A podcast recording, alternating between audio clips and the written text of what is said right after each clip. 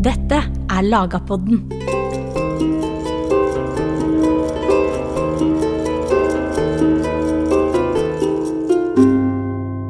Hva er et mellomaldermanuskript?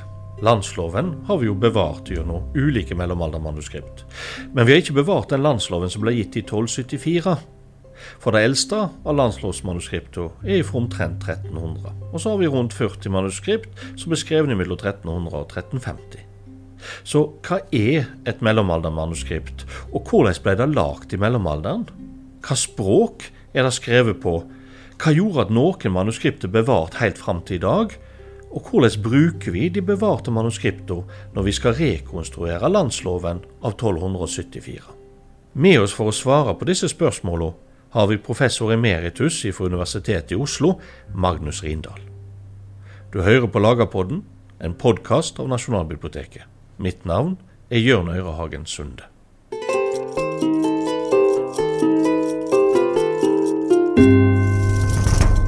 Og Magnus, hva slags manuskript skal vi snakke om i dag? Det De manuskriptene vi skal snakke om i dag, eh, det er det som vi kunne kalle bøker. I dag vil jeg kalle det bøker. De kan også bli kalt kodekser, som er et annet ord for bok. Og de var laga av eh, kalveskinn. I Norge var laga av kalveskinn. Og de eldste bøkene vi har, er fra 1200-tallet. Vi har fragment fra 1100-tallet. Eldste boka vi har, er fra ca. 1200. Og eh, disse er laga av kalveskinn, eh, som også da blir kalt pergament. Pergamentet kom i bruk i Europa til å skrive på et par hundre år etter Kristus. Før den tid har man brukt andre medium å skrive på, f.eks. papyrus. Og pergamentet ble da laga av geit eller sau eller kalv. I Norge var det vanlig med kalv. En flådde da kalven, skrapa vekk kjøtrester kjøttrester og fettrester, skrapa av håra, eh, tørka det, Ja. og skar det opp i firkanta stykker og skrev på det. Det vil si, du skrev vel etter at du hadde laga disse firkanta stykker til bok. Mm. For det som skjedde, var at du kunne, en kalv ville kanskje gi to stykker hver side. ja. Eh, Og så bretta du det. Da ble det, ble det fire blad. Det ble det, åtte sider. Så sydde du det da i ryggen. Ja. Og så skrev du på det. Så kunne du legge til da nye lag. Og det det skrev med, var da penn.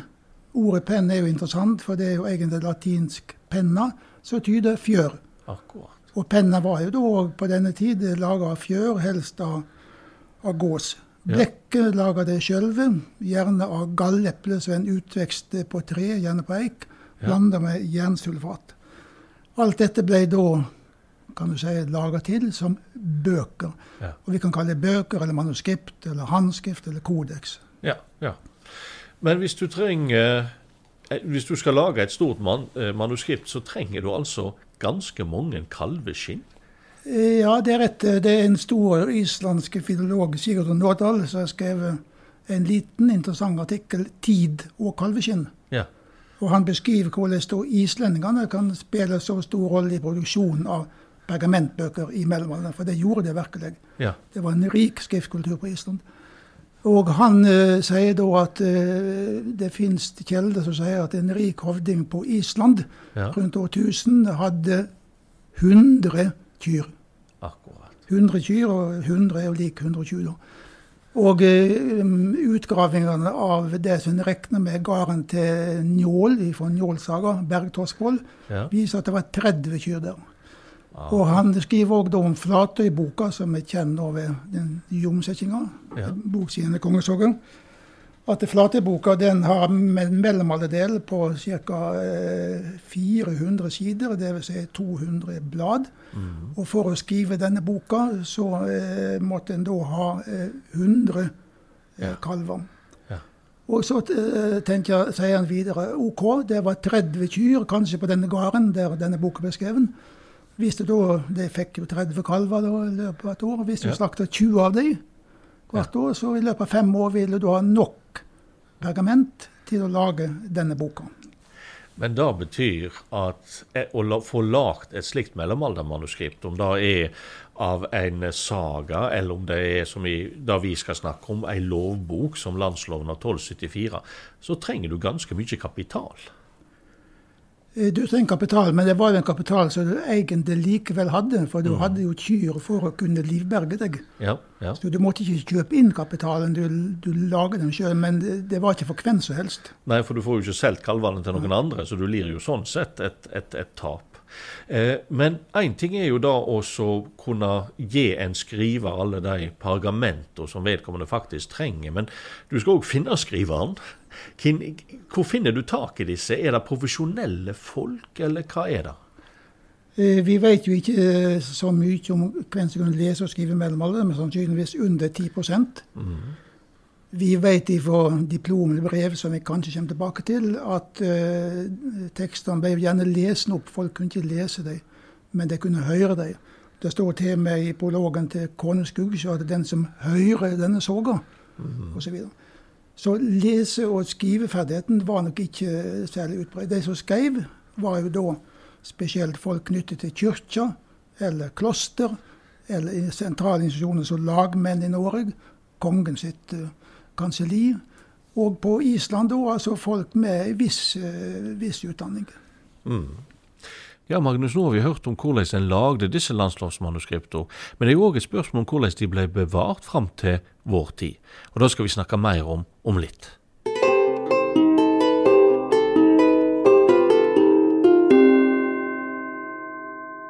Men hvis vi da bare tar opp dette med landsloven spesielt, fordi den har vi altså bevart i om lag 40 manuskript fra 1300 til 1350. Og hvis en ganger dette opp og lager en sånn oversikt, så finner vi ut at det har vært veldig mange manuskript av landsloven i Norge, altså flere hundre, rundt 1350. Det er flere enn vi har lagmenn og sysselmenn, og aristokrater og biskoper og abbeder. Eh, hvor langt ned i det sosiale hierarkiet tror du vi finner kopi av landsloven? Hvem er det som har disse? Eh, jeg ville tro at det er personer som har altså en, en funksjon i den dømende virksomheten i landet. Pluss at en del folk kanskje har fått laga prakthåndskrifter. Mm. Fordi de vil ha det sånn som Kodesverden med Gianus er jo et godt eksempel. Det er et veldig fint håndskrift med illustrasjoner. Men jeg tror ikke folk flest på noen måte hadde dette. Det er rett som du sier, at vi har da 43 håndskrifter alt i alt av av landslover, av de da 39 i, i, fra før 1400. Men i tillegg har vi fragment av 55 eh, håndskrifter. De fleste av disse fragmentene de er funnet ved innbinding av regneskap. og Det fant jeg på Riksarkivet fra ca. 1850. Og Det viser at det er håndskriftene som ble værende igjen i Norge etter mellomalderen det ble oppfatta som verdiløse, enda om det er veldig pene håndskrifter. Mm. verdiløse. Det kunne brukes til andre ting, for det var skinn. Du kunne bruke det til å bøte skinnbukser. Ja, du kunne bruke det til å lage mønster til å skjære tøy etter. Og framfor alt, det brukte det til innbinding av regnskap. Mm. Og Det fragmentet var i Riksarkivet. Det er da sånn som er funnet ved innbinding av regnskap for ulike deler av landet. Og det er veldig vakker håndskrift fra 1300-tallet. Det er altså 55 av de. Så vi har jo da eksisterende 98 håndskrifter. Men som du sier, vi har helt sikkert mye flere. Håndskrifttapet i Norge har vært veldig stort, i motsetning til Island. Delvis pga. at det, det brant eller forsvant, men også fordi at språket forandret seg så mye i Norge, mm. i motsetning til Island, at det var vanskelig for folk etter middelalderen å kunne lese håndskriftene. Derfor var det ikke så nyttig lenger. Så mange av håndskriftene er jo da oppbevarte fordi norske storfolk, svenske og danske storfolk, mm. har tatt vare på det fordi de var interessert i det som gjenstander, ja. og førte med seg til svenske og danske samlinger. Ja. Når det gjelder disse håndskriftene, så er jo de skrevne, og de er skrevne på norrønt. Og da er det vi kan kalle for i dag folkespråket. Eh, hvordan var norrønt som litterært språk? Ja, Som du sier, så blir dette regna som folkespråk. I det ligger det at en regner med at den eldste gammelnorske eller norrønspråklige litteraturen bygger på en munnlig fortellertradisjon. Eddadiktet er et godt eksempel. Kongesagaen bygger på en munnlig. Så har du en munnlig fortellertradisjon som ligger bak. I motsetning til den såkalte lærde, eller latinske stil, så bygger da på omsetninger fra latin til gammelnorsk. Altså det er rent skriftlig, eh, skriftlig fenomen. Ja, men latin får jo aldri noe særlig innpass i Norge. Latin blir brukt av kirka. Vi har mellomalderbrev på latin, vi har manuskript på latin. Det er ikke det. Men hvis vi sammenligner med f.eks. Danmark, så vil vi jo se at landsloven for eksempel, den ble aldri skrevet på latin. Iallfall ikke har vi bevart noen manuskript fra mellomalderen der den var skrevet på latin. Veldig få av mellomalderbrevene våre knytter ulike rettstvister f.eks. er på latin. Det gjelder sjøl de der kirka er involvert. Det er altså litt særeige, spesielt for Norge, Island, delvis òg Sverige. Ikke for Danmark, og slettest ikke for resten av Europa, der latin var et rettslig språk. Hva kan årsaken være til at norrønt blir det rettslige språket i Norge? Eh, Dette er jo vanskelig å svare på, men islandsk og norsk har en mye sterkere, tror jeg, munnlig fortellertradisjon fra eldre tider. Og også da en mye eh, eldre skriftspråklig tradisjon på morsmålet. Mm. Eh, I forhold til Danmark og Sverige så har jo Norge og Island skrevet litteratur på morsmålet lenge før de to landene. Det var latin mer dominerende. Så det henger nok i hop med den gamle altså, fortellertradisjonen Ja. i nord. Og det er jo ikke tilfeldig at eddedikter, som sikkert har vært utbredt rundt om mer enn vi vet om, altså de er da overlevert i hovedsak fra norsk og islandsk tradisjon. Islendingasagaene er et uttrykk for den munnlige fortellertradisjonen. Mm. Men vi har jo latinske eh, verk i eh, Norge òg. To av de eldste kongesågene Ja. er skrevet på latin. Ja. Det, ja. Så det, det er jo en sterk latinsk tradisjon, men spesielt, som du sa, knyttet til kirka. Men det som er, det er jo at bruken av latin ser jo ikke ut til å være pga. at ikke folk kunne latin. De kirkelige kunne nødvendigvis latin i Norge som i alle andre land i kristenheten. Eh, vi ser òg at enkelte stormenn har beherska latin. De har enten vært ute og studert, eller de har latinske manuskript i sine boksamlinger som de etterlater seg. Eh, så eh, latinkunnskapen fantes der, påvirka det norrønt, og bruken av norrønt? Eller var norrønt så skilt ifra latin at vi kan rett og slett snakke om et folkespråk i alle sammenhenger? Eh, Det har vel vært en gjensidig påvirkning, det vil jeg tro, men i hovedsak så er det jo slik at den gamle fortellertradisjonen lever videre i sagaen. Men det er klart, som du sier, at eh, nordmenn kjenner jo til den latinske kulturen. De har studert i utlandet. Ja. Vi vet nå flere som har studert i utlandet. Og jeg kan jo nevne at eh, vi har et eh, brev som sier da at tidligere på 1300-tallet så var det en Olav Eindridesson som skulle studere i utlandet Ja. og som lånte bøker da av Mariakirka i Oslo. Han lånte fire bøker. Den eh, mest verdifulle det ble taksert til 18 kyr. Ja. ja. Når det gjelder norrønt, så er det jo ikke slik at vi har ett norrønt som er et norsk språk med en fast grammatikk og faste skrivemåter av ord og slike ting. Eh, her mangler en jo egentlig alt dette, men det festner seg måter å skrive på og, og slik. Men de blir ulike for ulike deler av landet. Kan du fortelle noe om dialekter og norrønt? Eh, da eh, keiser og Munke gav ut eh, landslova i 1848, Ja. så hadde jo mange håndskrifter å velge mellom. Mm. Og eh, når det gjelder hirdskoa, som de òg ga ut, så ville de gjerne ha valgt et håndskrift kalt Codes tunsbergensis. Men det hadde så støytende språk at de Ja. ikke ville ha det. Det håndskriftet skrev på sørøstnorsk-språk. Ja. Det har såkalte svarabakte-vokalen, innskuddsvokalen A. F.eks. armer, gjev armer, skyter, gjev skyter. Dette regna keiser og eh, Munch med var skrivefeil. Ja. Altså feil. For den gangen regna med at språket var dialektfritt rundt 1850. Ja. Så begynte folk utover på 1800-tallet, også Ivar Aasen, å se at det fantes forskjeller i håndskriftene som samsvarer med de forskjellene vi ser i moderne dialekter. Ja. F.eks. er det slik at eh, verb som 'kasta' i infinitiv kan bli skrevet 'kaste' i middelalderen. Ja. Det vil si altså den samme utvikling som skjer i, eh, i eh, østnorsk i dag. Slik at etter hvert så begynte jo å se sammenheng mellom dialektene i Norge på slutten av 1800-tallet Ja. og ulikskapene i håndskriftene. Ja. Slik at en postulerte da at det var dialekter også i gammelnorsk. Marius Hegstad er den som har jobba aller mest om dette. Nettopp. Han var, som du vet godt, den første professor i landsmålet Mm. og dets dialekter i 1899. Da Ja. hadde han skrevet bare en liten flis som heter Gammel trøndermål. Den store produksjonen kom seinere. Ja. Vestnorske målfører 41350.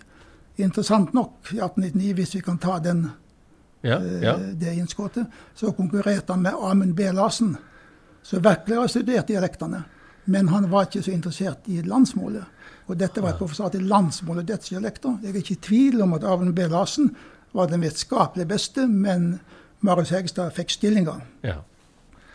Eh, og dette er jo veldig interessant, for at eh, disse dialektforskjellene har en jo nå brukt senere til å plassere manuskript i ulike landsdeler. Altså at en sier at landsloven, det, da og da manuskriptet er skrevet på vestnorsk, og derfor på en måte knytter en til Vestlandet og slike ting. Kan du fortelle litt om disse gruppene av dialekter som en bruker for å ikke artsbestemme, men å plassere proveniensen til et manuskript? Eh, Da er det viktig først å si at håndskriftene er normalt ikke heimfestet. Det står ikke hva det er skrevet. Og det er normalt ikke daterte. Altså Det er ikke sagt når det er skrevet. Bortsett fra ett lovanskrift der det er sagt at det er avslutta i 1325, så vet vi ikke når det er skrevet. Og da må vi studere språket for å kunne vite hvor gammelt det er, og eh, hva det er skrevet. Og eh, da må vi bygge mye på studiet av diplom eller brev, som vi har nærmere 20 000 av, mange på latin da, i, for mellomalderen. For det at diplomer eller brever, de er heimfestet vanligvis. Det står at brevet er skrevet der og da. Og det er datert, skrevet den og den det året. Så der ser vi forskjeller da i språket i dets diplom, og det kan vi da overføre på håndskriftene. Så vanligvis vil vi da regne med det i hovedsak det samme dialektinndelingen som i dag. Vi har nordvestlandsk, sørvestlandsk, du har østlandsk med undergrupper sørøstlandsk rundt Oslo, og trønsk. Ja. Nordnorsk var ikke så veldig aktuelt den gangen.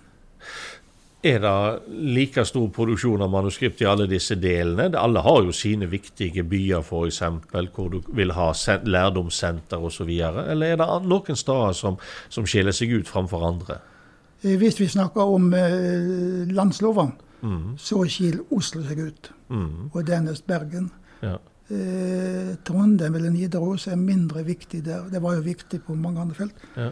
Men så vidt vi kan se, så er det spesielt Oslo da på eh, første halvdel av 1300-tallet så blir den dominerende produsent av landslovhåndskrifter.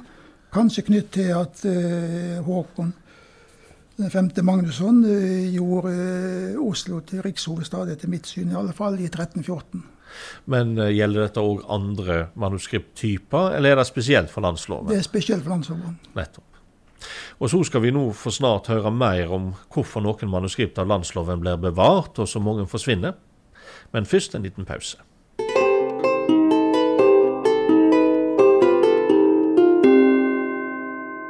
Du har jo allerede vært inne på Magnus, at eh, noen manuskript blir bevart, mange blir ikke bevart. og Det er fordi pergament har en verdi i seg sjøl. Du kan bruke det til mange forskjellige ting, til og med skosåler f.eks.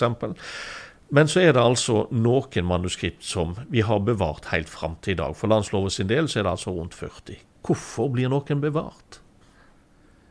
Eh, Når det gjelder landsloven, så er det jo til å begynne med bevarte fordi det var nyttig. Mm. Men når det kommer over 1500-tallet, så er jo ikke det så aktuelt lenger. Så de håndskriftene som er bevart i Norge, er i hovedsak sånne som har blitt ført til eller ifra Norge, sånne som har blitt ført til utlandet. Mm. Så sa i stad, så er det jo sånn etter mellomalderen at eh, språket forandret seg så mye at eh, folk flest kunne ikke lese disse håndskriftene. Det var ikke så veldig nyttige i gåsehaugen nyttige. Og eh, det var jo da historisk og kulturelt interesserte folk med kapital i, som satt i Norge, det kunne være svenske og danske embetsmenn, som fikk tak i håndskriftene og tok det med seg til Sverige og Danmark. Og det kom senere inn i svenske og danske samlinger. Derfor ligger jo nesten alle håndskriftene som finnes eh, fra norsk mellomalder i svenske og danske samlinger. Av håndskrifter før eh, 1350 så er det bare to vi har i Norge. Begge ligger på Nasjonalbiblioteket og er håndskrifter av eh, Kodis Hardenbergianus er jo det mest kjente av eh, disse. Det er et håndskrift som i den fasong den nå har, eh, inneholder to deler. Det ene er da landslova. Den andre da er erkebiskop Jons kristenrett og andre kirkelige retter. Det er sannsynligvis bundet i hop på 1500-tallet. Eh, Landslovdelen er praktfullt illustrert eh, med, med flotte innledningstegninger til eh, hver bolk. Eh, Helvig Hardenberg, som var gift med Erik Rosenkrantz, som var lensherre på Bergenhus 1568. Hun har ått denne boka, det kan vi se, for hun har skrevet Helvig Hardenberg eier denne boka. Og sannsynligvis har denne boka da kom eh, med familien til Danmark da de reiste tilbake dit. Og seinere etter hvert over i Det kongelige bibliotek. På samme måte med AM 309-folioen, som er et håndskrift som inneholder Eid-Sivertingens redaksjon vannslova. Også der har Hadberg skrevet navnet sitt. Og også Erik Rosenkrantz. Ja. Så det er også at den boka den har blitt med det sannsynligvis til Danmark og kom inn i den arnorianske samlinga. Ja. Når det gjelder Codex Hardenbergianus, er det jo lett å forstå at noen vil ta den med, for den er så utrolig vakkert illustrert. Men de aller fleste håndskriftene som er bevart, eh, av landsloven f.eks., er jo ikke spesielt vakre. Sånn at det må jo være intellektuell interesse òg på 15- og 16- og for så vidt òg 1700-tallet, som gjør at de med kapital som ikke trenger å realisere nytteverdien av manuskriptene, heller tar vare på dem. Eh, Det er klart eh, at det var også historisk og kulturell interesse. På 1500- og 1600-tallet utviklet seg miljøet i Norge som var interessert i den gamle historien. Og da også de gamle lovene. Så det er slike omsyn som også har spilt en rolle. Og det syns jeg det er interessant at det er de to håndskriftene vi har igjen i Norge, som ikke eh, er i utlandet. Det ene av det har forresten vært i Sverige og kommet tilbake. Det andre har vært alltid. Mm. Eh, NB 1 kvart, og det er altså et kvart format, et lite format. Inneholder eh, landslova. Og det er et lite og for så vidt pent håndskrift, men ikke sånn spesielt. Altså det har vært Norge hele tida. Ja. Når det gjelder disse håndskriftene som vi, eh, vi innleier med, så er jo ingen av de av fra 1274. Så vi har ikke landsloven slik den i si tid var. Eh, vi har manuskript i all hovedsak fra 1300 til 1350. Og det som er, det er at eh, disse er heller ikke like. Det finnes variasjoner mellom håndskrifter. Kan du fortelle litt om disse variasjonene som du har jobba så mye med, Magnus? Eh, Det var jo sånn i mellomalderen at bokproduksjonen skjedde ved avskriving. Og som du sa, så har vi ikke noen originale landslov, heller ikke av det andre eh, middelalderteksten. Vi har avskrifter og avskrifter. Og det er viktig å være klar over at avskrift i mellomalderen var noe helt annet enn avskrift i dag. I dag skal avskrift være nøyaktig. I den tid skulle avskrift være også forbedring. Og det var på en måte ideal at du kunne forbedre teksten når du skrev av teksten. Så avskriving er noe helt annet enn vi er vant med i dag. Derfor kunne det oppstå forandringer både ved at du skrev feil av, men også fordi du forbedrer teksten. Og det er forbausende mye variasjon i landslovandsskriftene. Jeg har gitt ut i lag med Bjørg Spørk eh, landslova i 2018 i en utgave bygd på et håndskrift eh, fra slutten av 1200-tallet, Holm 34. Eh, Utgåva fyller eh, 1000 sider. Der er fotnoter med opplysning om variasjoner i håndskriftet. Ja. Og det er 28 000 fotnoter.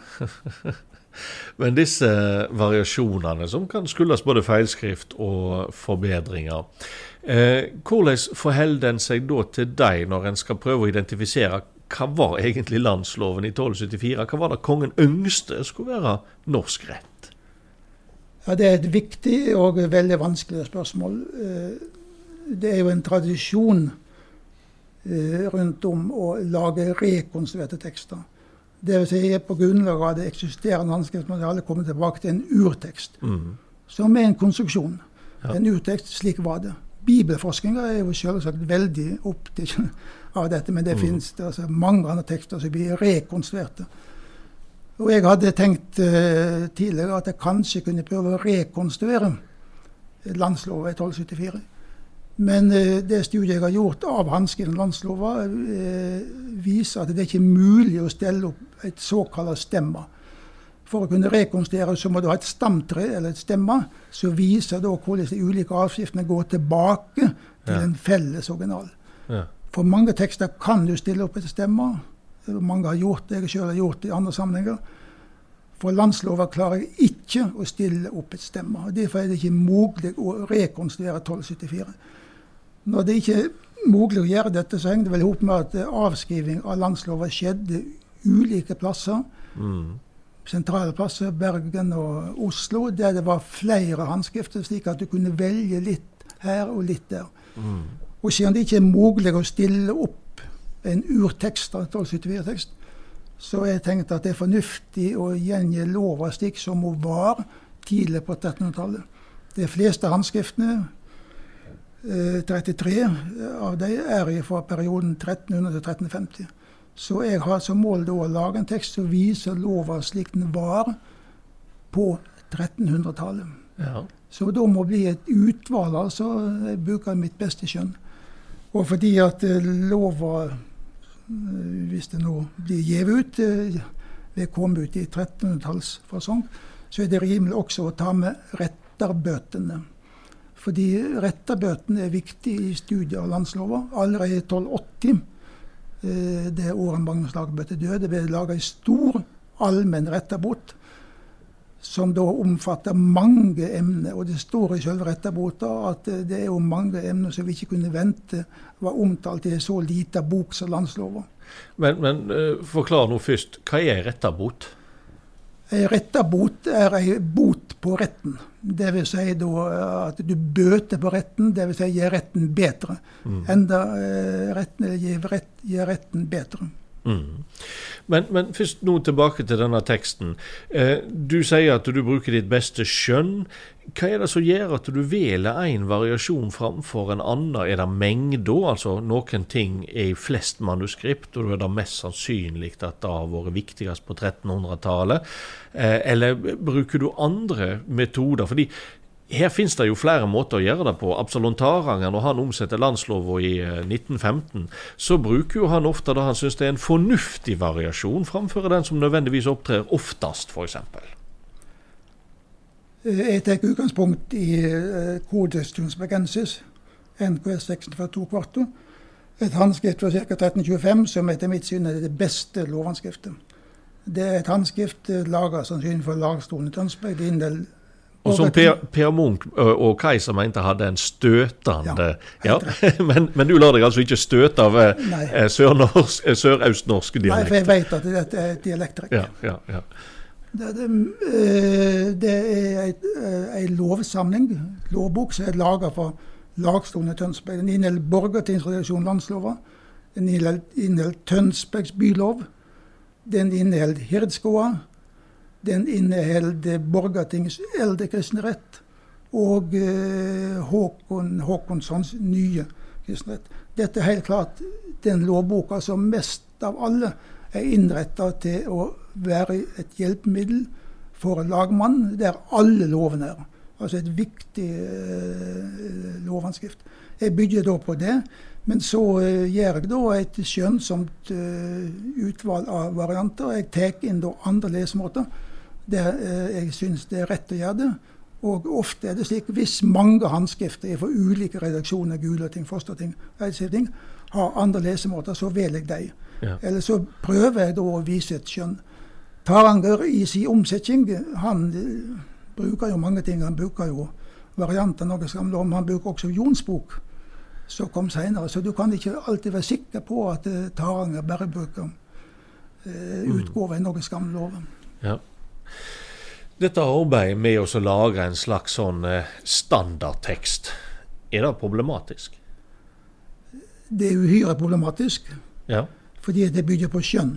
Ja. Og hvis det er noe forskerne ikke liker, så er det bygget på skjønn. Ja. Vil bygge på empiri, ikke på skjønn. ja.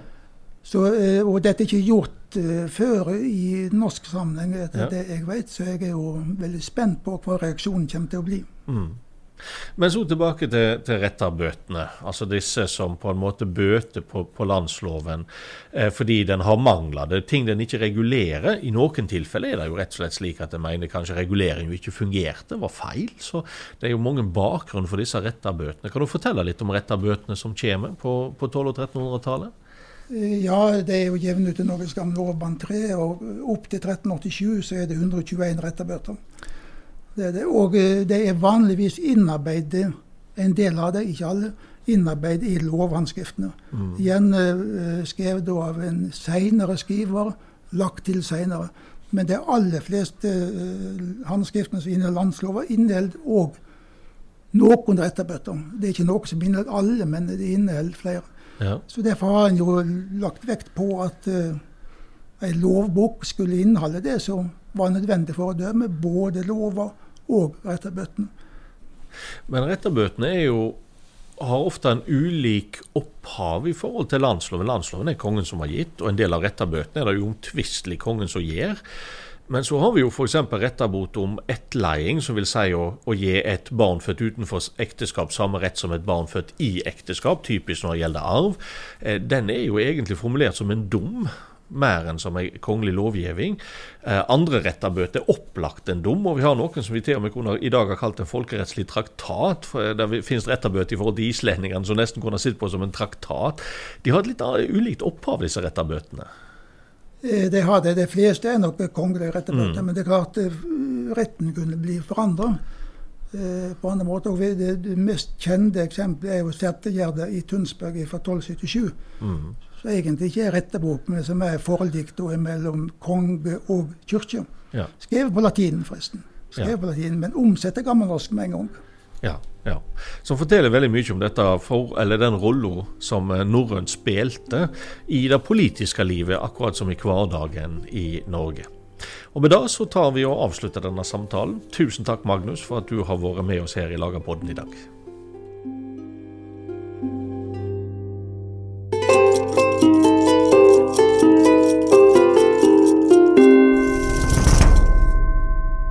Du har hørt en episode av Lagapodden. Musikken i denne podkasten er skrevet og produsert av Øyon Groven Myhren. Hør flere av Nasjonalbibliotekets podkaster på nb.no eller i din foretrukne podkastapp.